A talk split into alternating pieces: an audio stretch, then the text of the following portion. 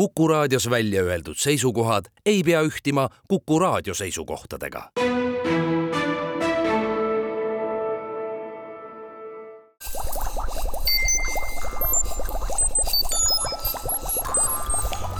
kukkuv õun head Kuku kuulajad, Kuku Õun taas eetris. külas on sedapuhku Martti Kiisa, kes on Tallinna Tehnikakõrgkooli õppeprorektor ja professor. valdkond ehitus, täiesti klassikaline ehitus selles mõttes, kus siis kasutatakse küll betooni ja kõike muud ja tegelikult ju betoonist me täna räägime, nagu te olete ilmselt tähele pannud, väga palju ja aina rohkem ja rohkem kõneletakse sellest, kuidas vaata, et kõike peaks tegema puidust, kuna see on kõige mõistlikum, ometi on lugu ikkagi niimoodi, et betoon oma kestlikkusega, vastupidavusega, parandatavuse ja miljoni muu asjaga on ka üsna huvitav ja ökoloogiline materjal. mina olen saatejuht Marek Strandberg ja tere, Martti! tervist! kui palju ma nüüd siis mööda panin sellega, et ütlesin, et ega siis betoon ei pea olema selline materjal, mis maha kantakse selle tõttu, et puidust saab vaata et kõike teha, kõrghooneid ja mida iganes veel? No mina olen siiralt sellel seisukohal, et igasse kohta on ikkagi noh, üks-kaks, äärmisel juhul kolm eh, kõige paremini sobivat materjali. nii et on kohad, kus on näiteks, kui väga robustne näide tuua, lägahoidlad, kus me ilmselgelt puidust ei tee peaksime tegema betoonis selle kestlikkuse pärast ja samas on ka kohti, kuhu puit väga hästi sobib, kas just väikeseid eramaju monoliitbetoonis teha, on ka natukene üle võlli keeramine, et samamoodi võiksid kõik inimesed ju soomukitega sõita, aga tegelikult me ju ei sõida. No teistpidi, kui vaadata betooni jälle või puidu ja betooni kombinatsiooni, siis betoon ju, vaatame kas või selliseid omaaegsetesse väikelinnadesse küll jah, mitte betoonist, vaid siis nagu kas seda nimetada siis silikaatbetooniks või silikaattellistest ehitatud maju, siis ma arvan, et need vaatamata oma eale, kuuskümmend või viiskümmend või mis iganes aastat, on ju üsna hästi vastu pidanud. tõepoolest, meil on ka, ka pikemaealisi eh, näiteks betoonkonstruktsioone, nii nagu ka puit- ja, ja kivikonstruktsioone, et igal materjalil on omad eh, plussid ja miinused ja neid tuleb lihtsalt tänapäeva keerulises maailmas oskuslikult arvesse võtta. Neid ei tohi ignoreerida, nii et et tegelikult käisingi siin paar nädalat tagasi viimati vaatamas, hindamas ühte silda, mis varsti saab saja aasta vanuseks. mis tule... sild see oli? see on Tallinnast, üks vana raudteesild Tallinnast umbes, äh, mis ta siis on, seitsekümmend kilomeetrit Pärnu poole, Konuvere, Konuvere vana raudteesild. ja täitsa huvitavad aspektid on, et, et betoon üllatavalt hea, tunduvalt parem kui siin kuuekümnendatel, seitsmekümnendatel ehitatud konstru-, konstruktsioonid aga kitsas näiteks, nii et tänapäeva autoliikluseks sellisel kujul enam ei sobi, noh, seal ei ole ka väga suurt äh, liiklust peal, aga siin on hoopis muud asjad, et me võime ju ehitada sajaks või kahe, kahesajaks aastaks konstruktsioone, aga võib-olla neid ei lähe sellisel kujul juba enam näiteks viiekümne aasta pärast vaja, hirmsasti raha on magama pandud, nii et see on väga oskuslik planeerimine, natukene ennustamine ka õunte pealt, et äh, mis see tulevik siis toob? no betoonkonstruktsiooni võlu on ju suurel määral selline, et kui ta on näiteks ka maja baaskonstruktsiooniks, siis iseenesest äh, kui see maja oma sellisel kujul ei sobi, kas või näiteks Tallinnas Vabaduse platsil, kus vahetati Kave Plaza nimelise maja ju fassaadid ja kogu soojustus ära see riiul oli ikka paigal, noh tõsi, tal ei olnud iga väga pikka olnud seniks mingi mõnikümmend aastat ehk, aga väga lihtne, vahetatakse kõik kest ära ja uus maja ja kui kõik on nutikalt tehtud, siis on võimalus hiljem ruumiplaneeringut väga suures ulatuses ringi mängida, et, et selle poole pealt betoon on väga tänuväärne materjal, see karkass, noh, need kandeskeemid on küll erinevad, aga ütleme lihtsustatult, karkass nutikalt tehes võimaldab hiljem teha väga palju muid lahendusi ka arhitektuurseid. kas või seesama hoone, kus me siin praegu oleme, et noh, siin on väga palju kivi, aga siin on ka näiteks betooni ja tänapäeval on siin hoopis teistsugune hoone, kui oli siin mõnda aega tagasi. siin jah, Postimehe majas, kus me seda salvestame saadet, see on ju endine paberivabrik, mis oli küll jah, kivihoone ja nüüd on kõik ümber tehtud ja iseenesest ju hoone vist põhikonstruktsiooniga, ma saan aru, et sa oled ehitamise ajal ka neid või enne ehitamistki vaatamas ja hindamas käinud, noh, see on siis ju ka umbes sajaaastane hoone, kui mitte enamat, kuidas nendega oli? alati olen, võin öelda, et alati olen näinud hullemaid konstruktsioone et ei olnud häda midagi, et, et tänaseks on ju kõik väga ilusti korda tehtud, ehitajale mitte küll kõige lihtsam tegevus, sest et selliste vanade kivi ja, ja betoonkonstruktsioonide korral on terve hulk huvitavaid nüansse, kus, kus peab pead murdma ja kõigepealt tuvastama muidugi, panema diagnoosi üldse, et hakata ravima, aga siin näiteks kõik õnnestus päris hästi nagu näha. No midagi samasugust sündis ju vesilennukite angaaridega, mis ka ju umbes saja aasta vanused rajatised ja ka algul väga räämas väljanägemisega, kuid ma saan aru, et osaval toimetamisel on nad kõik tänaseks hetkeks taastatud ja püsivad imehästi. jah, seal on veel emo-, emotsionaalsed äh, ja arhitektuursed ja, ja igasugused muud äh, nüansid ka, et äh, vist oleks olnud lihtsam see maha võtta ja uus teha, oleks olnud lihtsam, ma kahtlustan, kõhutunne ütleb aga ometi tehti see korda, nii et, et on võimalik teha. no kui me võtame ju, läheme Rooma, vaatame Kolosseumi, vaatame kogu Rooma-aegseid ehitisi, siis needki on ju tehtud betoonist. jah, suures osas küll, vähemalt kivi ja betoon, jah. Need on ju tänaseni vastu pidanud seal oli üks uudis mõnda aega tagasi, milles oli nuhitud selle järgi, kuidas roomlased oma betooni tegid, see meetod oli üsna tavatu. Nad nimelt valasid betooni paika kuumana, nagu õnnestus välja selgitada. kas tänasel päeval valatakse ka betooni kuumutades seda ennem? päris sellisel kujul mitte, kuigi jah, betoon oma olemuselt alguses äh, eraldab seda soojust kivinedes päris palju. Aga, aga mis mind selle uudise juures nagu mõtlema pani, oli, et kui palju nad huvitav seal nagu teadlikult seda asja tegid ja kui palju see oli, oli nagu kogemata et, et äh, täitsa huvitav nagu äh, analüüs oli tehtud selle kohta. no vot, see ongi ju teaduse kõige ja tehnoloogiate kõige omapärasem asi, et me võime ju tagantjärgi küsida, et kui palju teadlikult üks või teine sepp või käsitöömeister või kes iganes, võtame kas või Michael Faraday, et kui palju me küsime selle üle, et või arutame selle üle, et kui palju ta teadlikult tegi seda, et elektromagnetlaineid avastada, või ta oli lihtsalt niivõrd osav asjade näppija ja mudija, et tal lihtsalt aju seostas ära teatud asjad, mida varem seostatud ei olnud, ma ja, arvan, et kas kui... me oletame Rooma ehitusmeistrite kohta midagi samasugust? küllap nad olid ikkagi nutikad vennad, kui nad nii võimsaid äh, ehitisi tegid, jah, aga eks see teadus ju äh, kui palju teha ja katsetada, siis jääb midagi ju sõrmede vahele ju ka ikkagi. ma usun, et nad olid kõvad eksperimenteerijad lihtsalt kui tänapäeval ütleme, et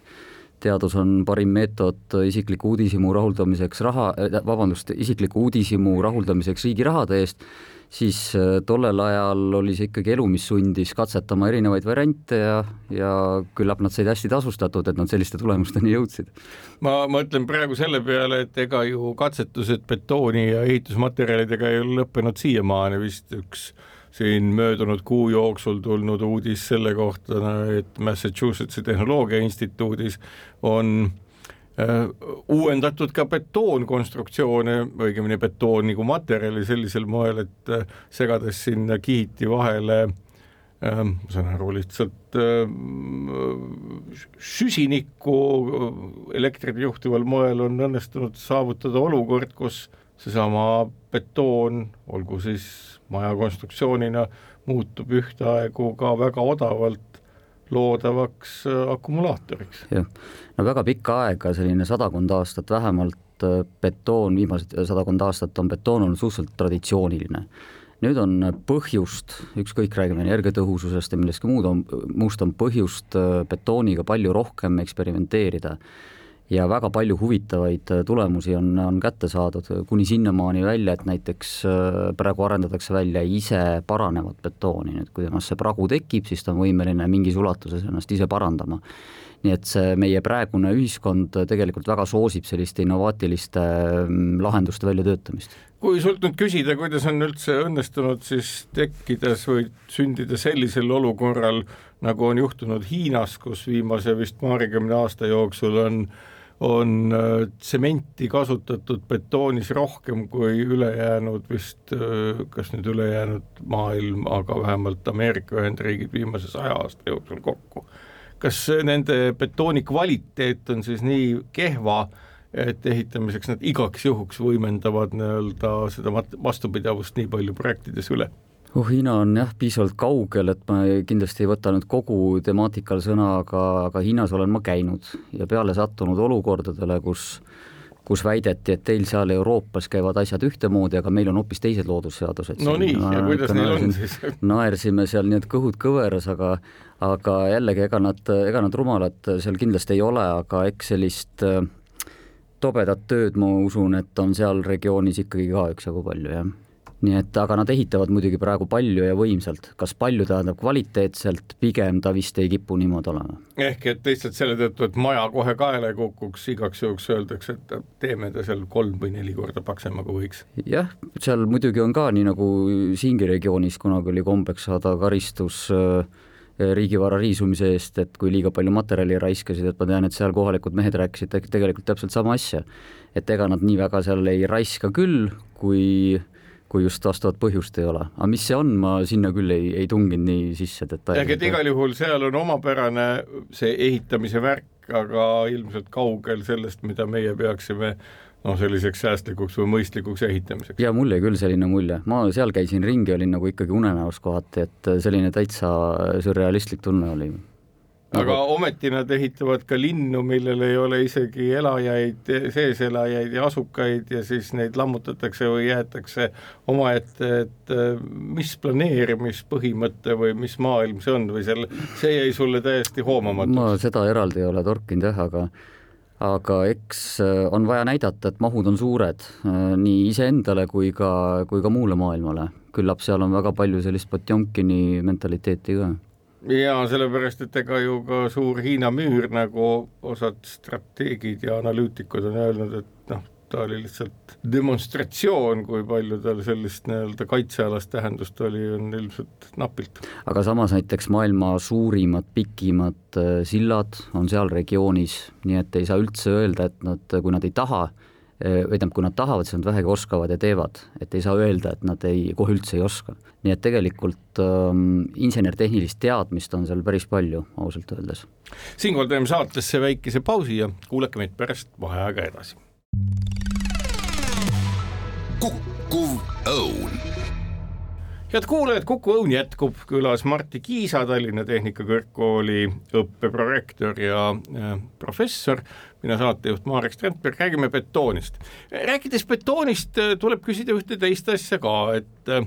Ehm, Euroopas me näeme betooni või vähemalt siinkandis hästi massiliselt kasutusel olevat, kui minna üle Atlandi ookeani teisele poole, siis seal valdavalt ehitatakse terasest, Ameerikas ju üsna paljud majad ja peaaegu kõik kõrghooned ikkagi teraskonstruktsioonid, millest see erinevus tuleb? Ma usun, et need regionaalsed äh, või piirkondlikud, isegi kui piirkond on väga suur, need eripärad tulenevad ikkagi äh, traditsioonidest ja eks ka materjalitootjate lobitööst suuresti on pikad traditsioonid, nii on kogu aeg tehtud ja ehitus on juba selline väga suur laev, mille, mille, mis, mis väga kiiresti ei pööra ennast, jah nii et kui keegi tahaks Eestisse tulla ja ütleks, et nüüd ma hakkan siin ka terasest hooneid ehitama, siis kõik olud on ikkagi nii inertsed, et vaadatakse ta peale ja põhimõtteliselt see ei õnnestu, isegi kui hind väga soodne oleks või? no soodne hind võib muuta asjaolusid, nii nagu tänapäeval need asjad on, aga no küsimus on selles, et, et kui me siin näiteks Eestit vaatame, et äh, meil on äh, on teatud hulk töölisi, projekteerijaid,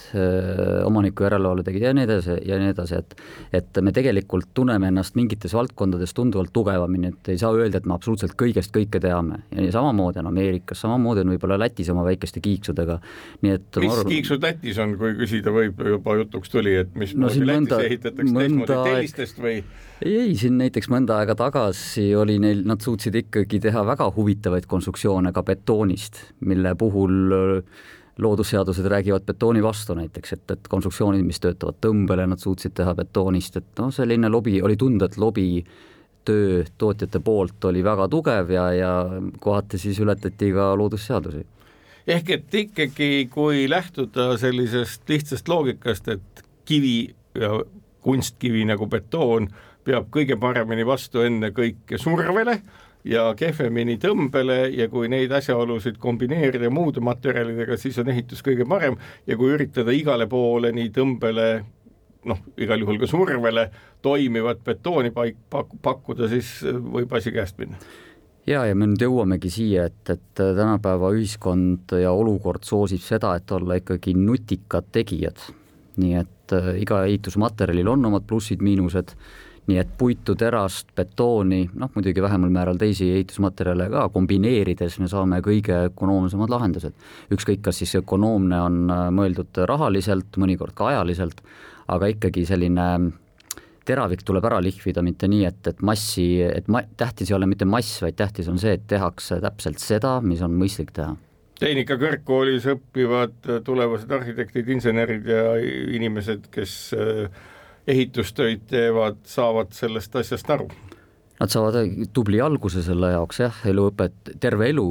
õpetab hiljem juurde veel, aga, aga nad saavad tubli alguse. nüüd läheme ühe huvitava asja juurde, mis on ju olnud äh, alates sellest, kui 3D printimine muutus selliseks popiks ühel või teisel moel, ma arvan, et see juhtus võib-olla ehk juba aastat viisteist või natuke enamgi tagasi, kui siis kohe-kohe alguses juba kõikvõimalikud detailid, mida kasutatakse väiksema suurusega, pidid tulevikus tulema 3D äh, prinditult ja siis ühtäkki ka majad. Äh, betoonist, savist, millest iganes prinditult äh, oli meeletu buum, igal pool demonstreeriti seda, kuidas 3D printimine on ehituse tulevik. tänaseks hetkeks on neid maju natuke rohkem tulnud ma tean ka, et teie kõrgkoolis on ka olemas betooniprinter. mis selle tehnoloogia, et tõepoolest robot tuleb ehitusplatsile, hakkab äh, tüüsist välja lödistama siis betoonisegu ja mõne päeva või nädala pärast on maja valmis mis iganes ilusal moel, kuhu see areng siis komistanud on? No ma ütleks niimoodi, et see areng on olnud täiesti normaalne, mis on ebanormaalne, on see, et, et Youtube'i videos nähtav ja tegelik elu ei lähe alati päris kokku, et selle kohta mul siin hea kolleeg äh, Aivar Salt on, on väga väga häid näiteid toonud, kuidas tegelikult ikkagi nii nagu Photoshop on fotode maailmas, on see kuningas, on, on videotöötlus see, mis näitab, et me nüüd teeme nii kähku neid asju. eks seal on rahval selline kuidagi tekkinud selline huvitav ootus ka, et, et, et niimoodi need asjad käivadki, tegelikult äh, seal on terve hulk nüansse, et et millega me peame arvestama ja, ja loodus paneb need asjad paika, see areng on olnud täiesti normaalne. et sildu, hooneid, igasuguseid muid ehitisi on täiesti tehtud äh, ja, ja Eestis esimene hoone ka tehtud valmis äh, betooniprinteri abil. Äh, plokid, mis on siis prinditud laboris, äh, monteeriti kokku küll koha peal, aga, aga need kõik on prinditud elemendid Tehnika Kõrgkooli hoovi peal. et äh, seal see areng läheb edasi, seal kõige tähtsam nüanss on see, et ühelt poolt tahaks saada sellist väga kiiresti kivinevat ja, ja tihedat betooni, teiselt poolt see seab jällegi piirid sellele printimisele, nii et kaks väga vastuolulist nüanssi, mille vahel siis tuleb praegu kompromiss leida. Äkki tuleb kasutada vanade roomlaste kavalust ja kuumutada betooni? Oled sa kuumutanud betooni? mitte küll betooni valamise hetkel, pärast küll jah, siis kui ta juba kivineb jah aga võib-olla ongi nagu äkki vaja kasulik ja mõistlik vana teadmine üles noppida ja kontrollida, kas see tõele vastab või mitte. roomlaste poolt kasutatud betooni sideaine oli, oli natuke teine kui tänapäeval. ja, ja see on teada, eks neil oli vulkaaniline tuhk ja kõik mis muu seal. tänapäeval jällegi päris niisama lihtne ta ei ole, et ma arvan, ma usun, et see, et see protsess meil on tegelikult päris hästi paika loksutatud, et meie betoonitootjad ja, ja ja ehitajad tegelikult teavad neid nüansse väga hästi, et targad, targad mehed on. aga kui nüüd küsida, et miks me näeme või õigemini, miks me ei näe näiteks uusi elamupiirkondi kerkimas sel moel, et lohistatakse kohale mõni betooniprinter ja seal hakkab see töö käima, ehm, tööjõupuudus seda taga ei suru, et niisugune asi juhtuks või millal see Eestis juhtuda võiks, kui üldse no maailmas äh, juba see reaalselt niimoodi toimibki, on päris suured ja võimsad printerid, mobiilsed, mis, äh, mis selle valmis teevad noh, vähemalt meie betooniprinteri järgmine arendusetapp ongi see, et ta teha ka mobiilseks ja viia ta laborist välja, et siis koha peal teha. aga noh, jällegi ma ütlesin, et see laev on suhteliselt aeglaselt pöörav, et kui meil on ikkagi eh, võib-olla tuhandete kümnete tuhandete kaupa neid mehi hetkel tööturul, kes oskavad teha praeguse tehnoloogia järgi, siis eh, ega noh, see põlvkondade vahetus võtab natukene aega. aga küll see aeg tuleb, minul on sellesse täiesti usku. mis tähendab seda, et eh, see inerts on ma kujutan ette, ületatav ja see tehnoloogia, ütled sa täna, on enam-vähem selline, et nibin-nabin on veel puudu sellest, et tahe oleks suurem, kas see on ka lõppkokkuvõttes odavam võrreldes, noh, ma ei oska öelda, kui kalkuleerida näiteks tehases valatud paneelidega ja nende paikapanekuga või ta on lihtsalt kiirem? praegu ei pruugi odavam olla, aga kiirem küll võrratult, jah aga seal on veel kvaliteedi küsimused näiteks, et noh, ikkagi kontrollitud keskkonnas, kus on äh, temperatuur õige, niiskus on õige, soe, mugav, valge, eks ole, teha, et seal tulevad ka tavaliselt ikkagi kvaliteetsemad või tähendab, kvaliteetsem toodang, et kui koha peal teha noh, meil pool aastast on sellist, kus koha peal äh, väljas printida kuskil metsa all näiteks kõige mugavam just ei ole. et seal on ka kvaliteedi küsimused et mis tähendab, et selleks printimiseks tuleks veel sinna mingisugune kileangaar ümber panna ja võib-olla seda seest ka soojendada. jah, täpselt, mis alati ei pruugi võimalik olla. siinkohal teeme saatesse väikese pausi ja kuulake meid pärast vaheaega edasi.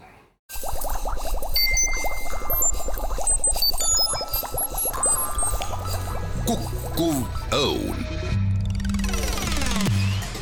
head kuulajad, Kuku Õun jätkub, külas Martti Kiisa, Tallinna Tehnikakõrgkooli õppeprorektor ja professor, mina saatejuht Marek Strandberg, räägime betoonist ja selle kasutamisest ehitustel. no me kõik teame, kui vaatame näiteks äh, betoonist äh, kive, mida pannakse siin kõikvõimalikesse kohtadesse nii-öelda asfaldi või muude materjalide asemel, siis noh, mõni peab vastu siin aastakese, hakkab murenema, mõni võib-olla viis aastat, ehk äh, betoon, nagu ma saan aru, on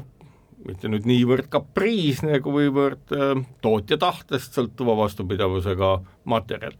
nüüd kui pikaks üldse, no Rooma kolosseumi puhul me teame, kuigi sa ütlesid jah, et see on natuke teine betoon teistest materjalidest, aga kui pikalt üldse siis saab kavandada seda betoonkonstruktsiooni vastupidavust, ma saan aru, et äh, kehvalt tehtult laguneb ta kiiresti, hästi tehtud, kui pikk see vastupidamine on, viiskümmend aastat, sada aastat, kakssada aastat, kui pikalt võib seda eeldada, sellepärast et noh, meil on ju ka nüüd juba varsti kuuskümmend aastat või enamgi tagasi ehitatud ju betoonist linnaosad, Mustamäe, veidi nooremad Lasnamäe, Õismäe ja muud sellised, ja vaatamata sellele, et kogu aeg on öeldud, et kohe-kohe kukuvad need kokku, ei midagi sellist. no paarsada aastat äh, betoonkonstruktsioonide jaoks ei, ei, ei pruugi olla absoluutselt mingisugune ülemine lagi veel. et äh, kui me nüüd korraks unustame ära selle, et äh, kui pikaks ajaks me üldse planeerime, et näiteks moraalselt mingid konstruktsioonid jäävad ajale nii jalgu, et neid lihtsalt vaja enam ei ole, et kui võtta lihtsalt puhtalt see eluea nüanss, siis äh, noh, me kõik ju inimestena oleme süüa teinud ja, ja kui me teame, et me tahame magustoitu saada, siis me teame, millest me seda magustoitu teeme. seal on teatud koostisosad ja täpselt sama lugu on ka betooniga. me peame tegelikult selle lõppeesmärgi endale paika panema. kas me, kas me tahame saada äh, ajas pikalt vastupidavat betooni, kas me tahame odavamat või kallimat, tegelikult need äh, salaretseptid, mis enam nii väga sala, saladused ei ole, aga need on tegelikult olemas. me oleme harjunud tegema suhteliselt üksluiselt seda betooni aga noh, mis siis betooni lõhub, seal on äh, vähemalt kümmekond sellist tuntud, äh, kui mitte rohkem, sellist tuntud nüanssi, tähtsamad meil siin äh, karboniseerumine, kloriidide sissetungimine ja külmakindlus ja nii edasi, ja nende kõikide vastu aitab mingisugune retsept. halb asi on see, et mitte ei, ei ole olemas ühte universaalset retsepti, et teemegi ainult selle järgi, vaid et see, mis on hea karboniseerumise vastu võitlemiseks. Äh, see on, see on siis halb. protsess, karboniseerumine, kus süsihappegaas imendub äh, betooni ja muutub seal siis äh, karbonaatseteks ühenditeks. just, ja mis paneb sarruse, metallsarruse seal sees korrodeeruma. kuna see, see on poorne, juhib õhku ja niiskust ja see just, siis tekibki. just, mhm. ja ma usun, et neid külmakahjustusi on, kes vähegi on lahtiste silmadega ringi käinud, isegi mitte ehitusvaldkonna inimesed on kindlasti näinud, betoon lihtsalt koorub ja laguneb ära, et mul see mõte jäi enne pooleli, et mis, mis, mis ühele on hea, see teisele on jällegi halb ja see ongi kuidagi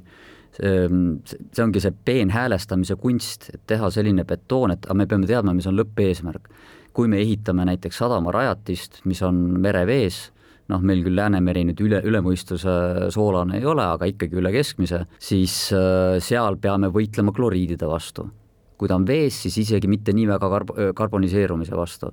ja seevastu kuskil sisetingimustes, kus me ei soolata oma teid, ma mõtlen, see mõju vähemalt ei ulatu sinna sisetingimustesse, tingimustesse, siis pole karb-, kloriidide vastu võitlemisel mitte mingisugust mõtet. ehk me peame tegema nutikalt oma betooni ja kui me seda teeme, siis sada pluss aastat ei ole absoluutselt mitte mingisugune probleem. no mittenutikate betoonide kasutamise näiteid on ju küll, kas või linnahall. ma saan aru, et see on ikkagi mõnes mõttes selline betoonikunsti häbiplekk või ei ole, vaatamata kogu kvaliteedi kõikumisele on see ju ometi püsti püsinud. jah, seal vist see suurim patt oli ikkagi see, et ähm, suurem osa ehitajate tahe ületas sooritusvõime. et, et need lihttöölised seal tegelikult ähm, jah, kvaliteedi probleemidega maadlesid päris kõvasti ja oskustega. et äh, ma ütleks küll niimoodi, et, et ebaõnnestunud on ta küll selle poole pealt, et seal see ehituskvaliteet oli ülimalt kõikuv. konstruktsioonid ise on olnud nutikad? super, minu arvates. sama lugu on vist Rahvusraamatukoguga või seal on natuke parem olukord? Seal jah, seal on küll väga palju erinevaid ehitusmaterjale, aga täpselt samamoodi periood oli selline, kus kvaliteet ei olnud kõige tähtsam. Nüüd, äh, kui edasi minna, siis äh, jällegi betooni, äh, betooni timmimine sellisesse õigesse omaduste spektrisse või omaduste äh, raamidesse, see on võtmeküsimus, see annab nii-öelda võimaluse pikendada hoone eluiga sinu sõnul täpselt nii pikalt kui vaja peaaegu küll, jah, kuskil kindlasti see piir ette tuleb. just, just. nüüd äh, läheme hoopis teisele valdkonnale, milleks on teed no jällegi, kes on lombi taga käinud äh, Ameerika Ühendriikides, seal on betoon üsna tavaline tee-ehitusmaterjal ähm,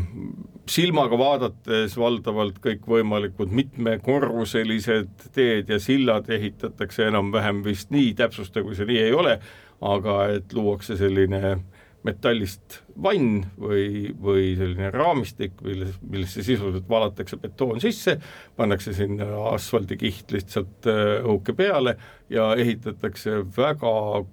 pikki konstruktsioone, teid enam-vähem samamoodi. Kuidas on juhtunud see, et Eestis jätkuvalt me tegeleme sellise noh, ütleme traditsioonilise tee-ehitusega, valime sellise laguneva killustiku, milleks on paekivikillustik, siis kogu aeg paikame need teid ja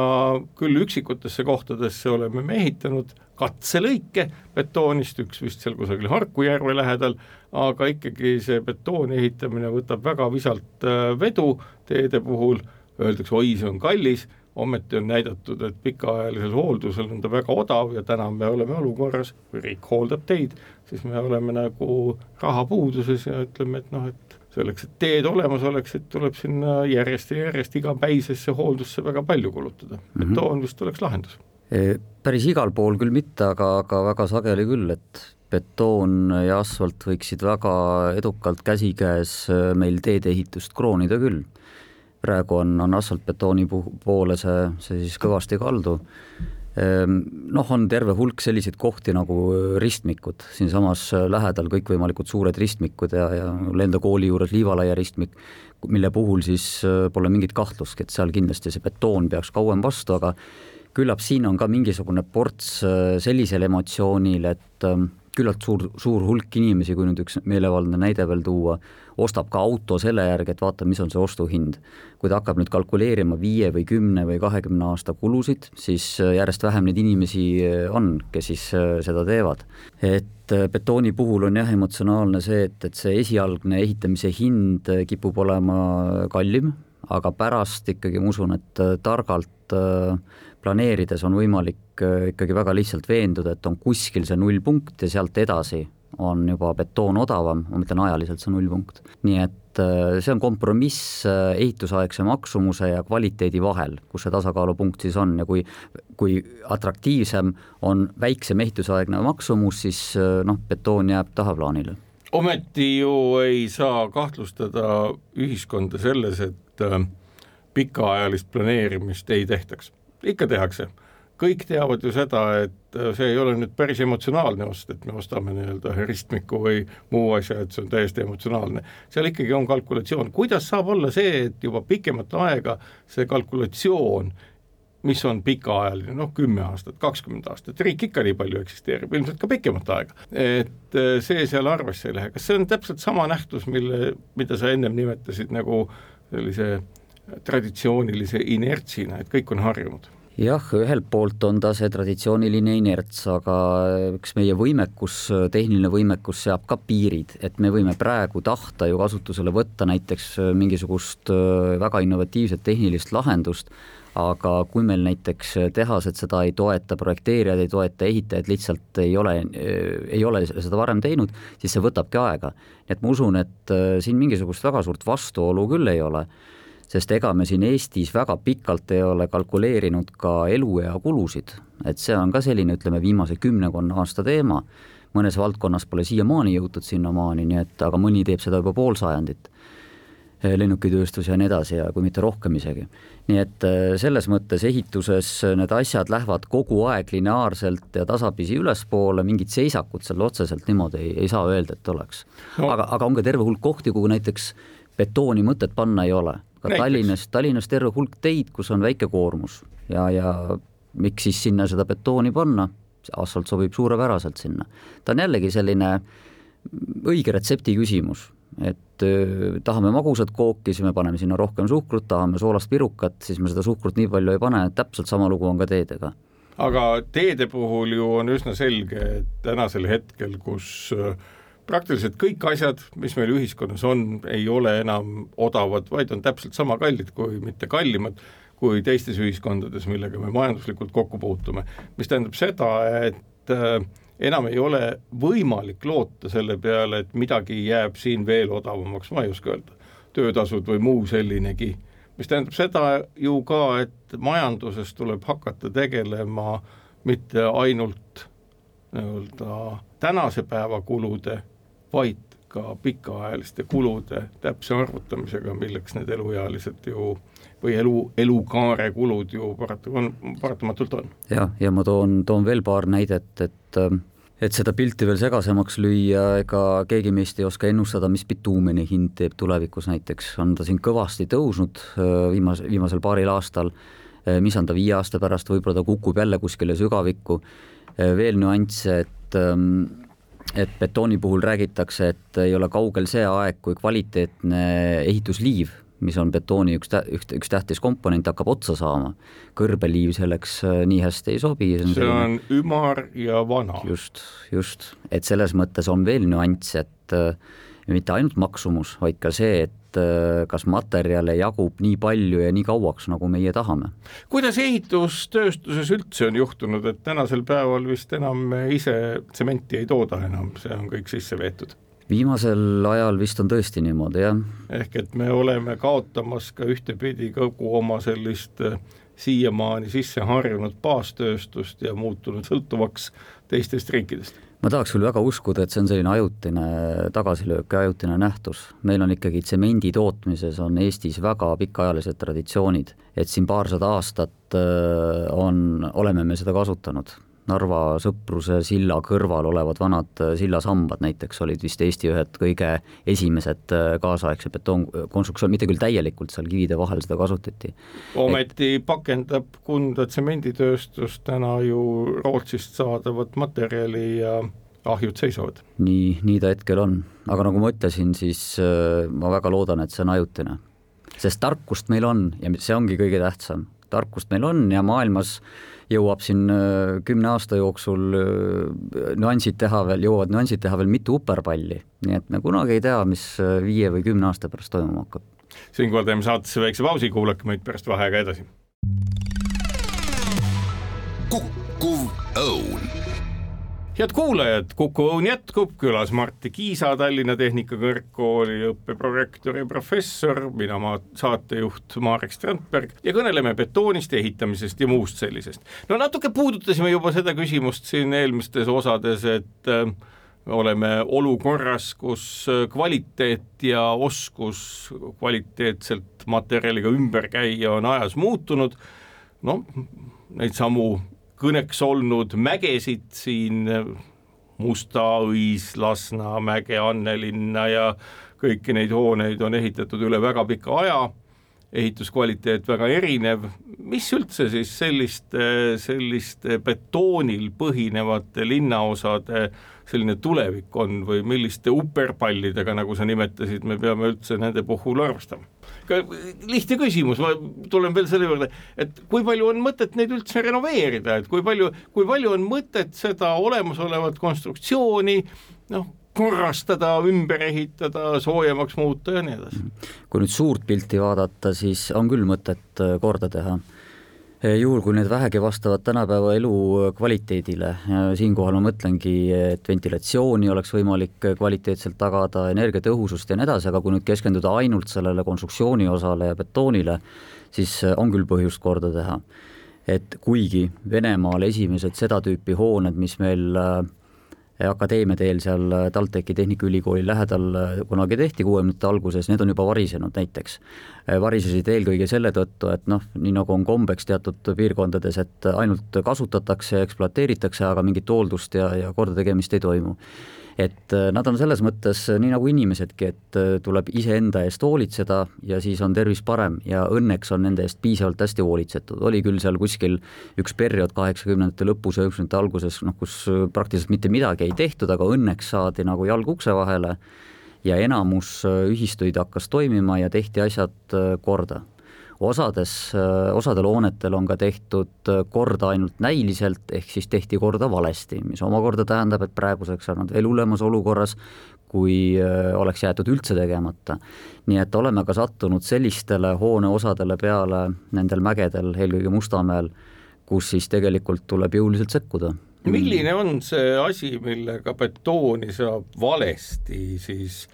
korda või ilusaks teha, mis on see nüanss, et kui kuulaja ka huvi tunneb, et kas temal äkki samamoodi mm -hmm. tehtud on? no kõige klassikalisem lagunemise põhjus on see, et see terassarrus hakkab betooni sees korrodeeruma, selle maht suureneb ja siis ta lööb selle betoonist paari sentimeetri paksuse kaitsekihi lahti. ja, ja kui väga tihti see juhtub, siis selline õige diag-, diagnoos jääb panemata ja ravi ka määramata ja tehakse ta visuaalselt lihtsalt korda, ehk siis peale mätsimine millegi ja teinekord on need väga üllatavad materjalid olnud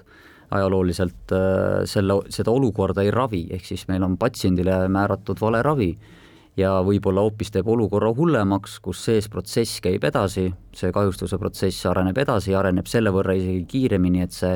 kiht äh, on veel vale, mis sinna siis peale pandi, see paranduskiht. aga mida saab teha üldse, kui detailselt rääkida sellega, kui see korrosioon peale on hakanud, rauast saab väiksema tihedusega rauaoksiid ja selle paisumine seda tekitab, mida üldse saab betoonkonstruktsiooniga sellisel juhul peale hakata? no mida tuleks teha? jah, keskmine ravi on ikkagi selline, et see metallsarrus tuleb avada ja ära puhastada ja mitte ainult ühelt poolt vaadatuna, vaid, vaid kogu perimeetril ära puhastada ja siis uuesti betoonpind taastada, et selle jaoks on kõik tehnoloogiad ilusti olemas, maksab natukene rohkem pehmelt öeldes kui see pinnapealne remont, aga sellest tagab ka pika elu. ometi vähem kui uue maja ehitamine. absoluutselt, muidu ju ei tehtaks ehk et seesama asi, mis sa ütlesid ka alguses ja millest juttu oli, et betoon õnneks on materjal, mida saab valada, ehitada ja mis on kõigis oma nüanssides parandatav et selles osas on tegemist ikkagi üsna unikaalse ehitusmaterjaliga. jaa, väga harva on äh, olukord selline, et kohe üldse ei ole põhjust äh, taastada, aga tavaliselt see kipub olema siis majanduslik põhjus, mitte selline põhjus, et seda ei saaks taastada. et peaaegu kõike saab taastada, mõnikord on tõesti ebamõistlikult kallis lihtsalt majanduslikult. no mis oli ebamõistlikult kallis, saan ma aru, oli needsamad lennu või vesilennukite angaarid, kus praegu Eesti Meremuuseum sees, see taastati lihtsalt selle tõttu, et see oli mälestis. Ükski Mustamäe maja või nende mägede maja sinu hinnangul täna nii hullus seisus ei ole, et selle taastamine nii kallis oleks? ei, kaugeltki mitte kuigi on ka selliseid õnnetuid äh, hooneid, äh, mitte tervikuna, aga neid hooneosi, muide nendel hoonetel on see tugevus või kandevõime varu on päris, päris suur, et seal võib ikkagi kohe täitsa mõne seinaelemendi, mitte küll suvalise, aga ütleme keskmiselt mõne elemendi ära võtta, et, et ei juhtu ka tegelikult mitte midagi, eks seal see varu on suur, aga jällegi lihtne näide, mis võib-olla kõiki, kes, kes seal elavad, võib puudutada, on see, et et et äh, kui nüüd vaatate oma hoonele peale väljaspoolt ja oletame, et seal ei ole veel seda uut fassaadi peal, siis te näete seal vuuke. ja nüüd äh, mõelge, et kas vesi on mingit moodi sinna vuugi sisse pääsenud, kas üleval on katus korras olnud äh, ja nii edasi, nii et kui see vesi on kakskümmend, kolmkümmend või veel rohkem aastat, aastaid seal sees olnud, siis see olukord võib olla väga hull, sest sellisel juhul need metallist ankrud, mis omavahel neid suuri paneele ära seovad, need lihtsalt on läbi korrodeerunud ja siis see on nagu üks kaardimajakene hommikul, mil kaartide vahel see side puudub. aga kas on... ka seda olukorda saab siis nii-öelda tänu sellele, et noh, ma kujutan ette, teras on siiski keevitatav ja betoon nii-öelda valatav, kas ka seda olukorda saab parandada? saab ikka parandada ja veel hullem on, on ka olnud selliseid olukordi, kui äh, ongi tulnud tehasest ilma,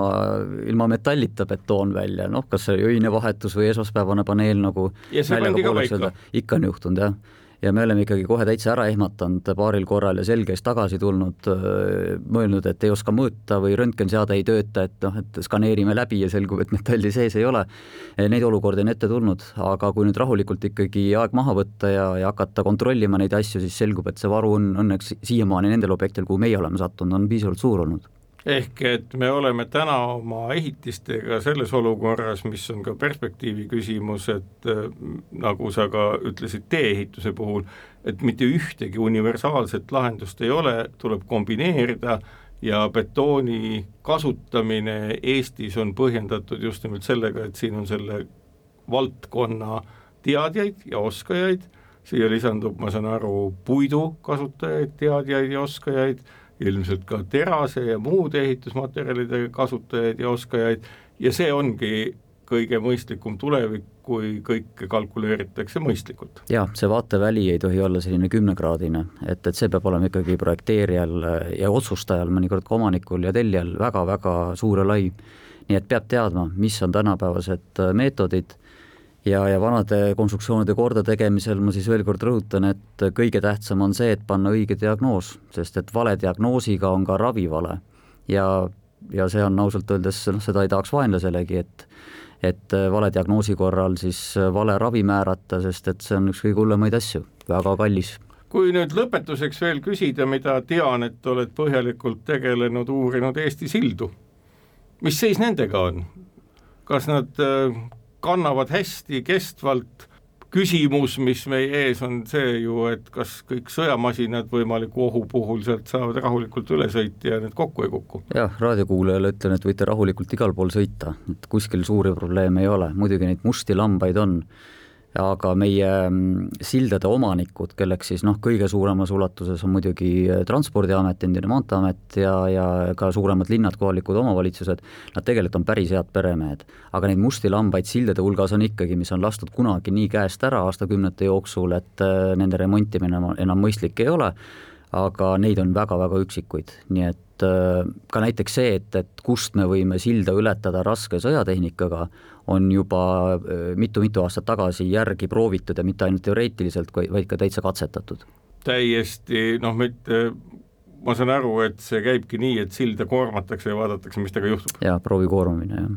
ja betoon ei ole samasugune asi, nagu see siin suve algupoole ära lagunenud patüskaaf, et koormad lased vabaks, koormad lased vabaks ja aina nõrgemaks läheb, et betoon peab vastu. no temaga on ikkagi täpselt samasugused mured, aga neid tsükleid on oluliselt vähem ja, ja koormusest see amplituut on ja pingete amplituut on väiksem.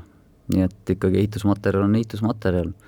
aga peavad väga hästi vastu siiamaani. ehk et äh, kokkuvõttes on sinu väide see ka, et jääd nõusse või mitte, et meie ehitiste kvaliteet ja ehitamise oskuste hea tase on valdavalt ikkagi seotud sellega, et meie inimeste haridus ja teadmised on head. jah, siin kui nüüd jõuaks ühel hetkel Eestis ühiskonnana ka nii kaugele, et äh, need, kes ehitavad, on ka seda kunagi õppinud, et praegu see protsent on seal kuskil viiekümne ligi või isegi vist no nõksu alla, ma siin viimaseid uudiseid ei tea, kui, kui saaks, et see on üheksakümne ligi, sest alati on lihttöölisi ka vaja, kes võib-olla ei peagi olema erialase ettevalmistusega, küll siis oleks hea, nii et see on mu enda väike unistus. Teie õppekohad Tallinna Tehnikakõrgkoolis ehituse vallas kõik täis? jah,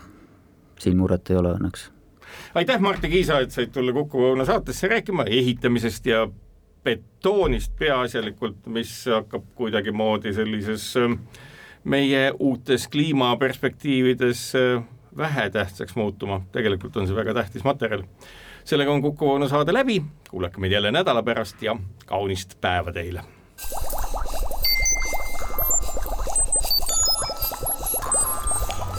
kukkuv õun